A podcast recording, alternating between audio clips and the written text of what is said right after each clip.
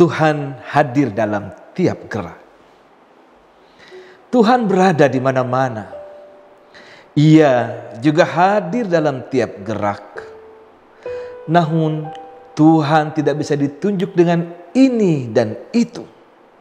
Sebab wajahnya terpantul dalam keseluruhan ruang. Walaupun sebenarnya Tuhan itu mengatasi ruang.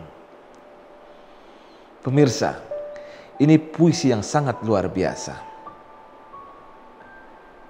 Syekh Jalaluddin Rumi menyatakan bahwa Allah Subhanahu wa taala berada di mana-mana. Ia juga hadir dalam tiap gerak.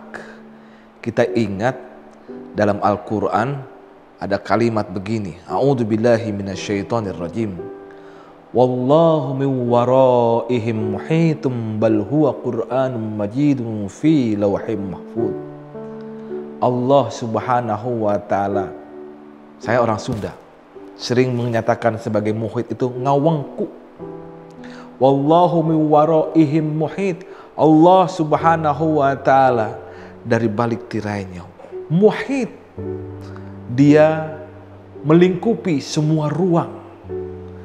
Allah Subhanahu wa taala tidak membutuhkan ruang.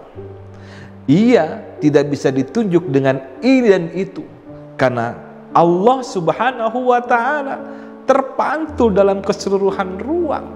Mau ke mana kita?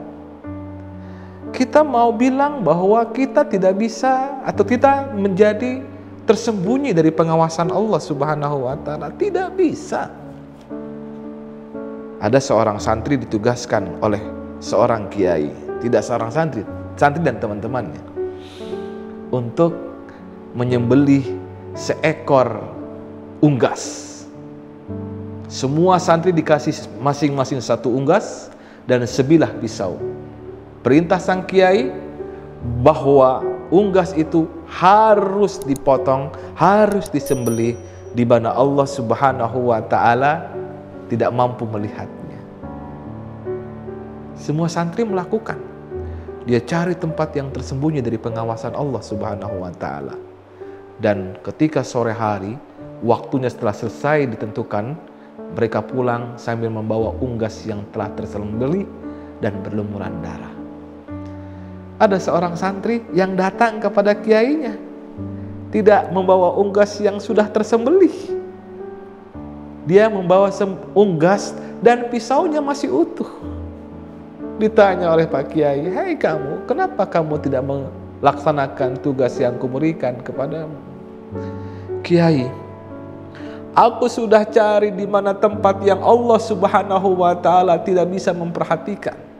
Aku cari sebuah gua yang paling dalam. Di dalam kegelapan itu aku hendak hendak menyembeli seunggas itu. Dengan mengucap nama Allah Bismillahirrahmanirrahim. Ketika akan aku sembelih, aku teringat bahwa Allah Subhanahu wa taala melihat aku. Aku tidak jadi menyembelihnya.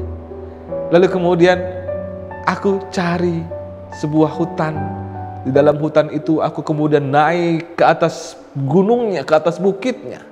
Di atas bukitnya itu aku cari tempat di mana tersembunyi dari pengawasan orang-orang lain, pengawasan dari makhluk-makhluk Allah yang lain, juga dari pengawasan Allah. Ketika aku coba sembelih si unggas ini, apa yang terjadi? Allah Subhanahu wa taala tidak pernah lepas dari pengawasanku. Maaf Kiai, aku tidak bisa melakukan tugas yang Kiai tugaskan kepadaku. Walhasil si anak ini ternyata penilaian dari sang kiai lebih tinggi dibandingkan murid-murid yang lain, dibandingkan santri-santri yang lain. Ini bahwa Allah Subhanahu wa taala memiliki pengawasan yang begitu melekat kepada kita. Pengawasannya tidak butuh ruang, tidak butuh waktu hanya kita saja yang terbatasi oleh ruang dan waktu kita. Karena kita, ruh kita disandera oleh jasad kita. Disandera oleh bashar kita. Tapi ada orang yang ruhnya bisa terlepas dari basarnya. Bisa terlepas dari jasadnya. Dengan latihan-latihan yang sedemikian rupa. Sehingga dia mendapatkan kemuliaan dari Allah subhanahu wa ta'ala. Semoga kita para salik mampu melakukan hal seperti yang termaktub di dalam puisi tadi. Demikian.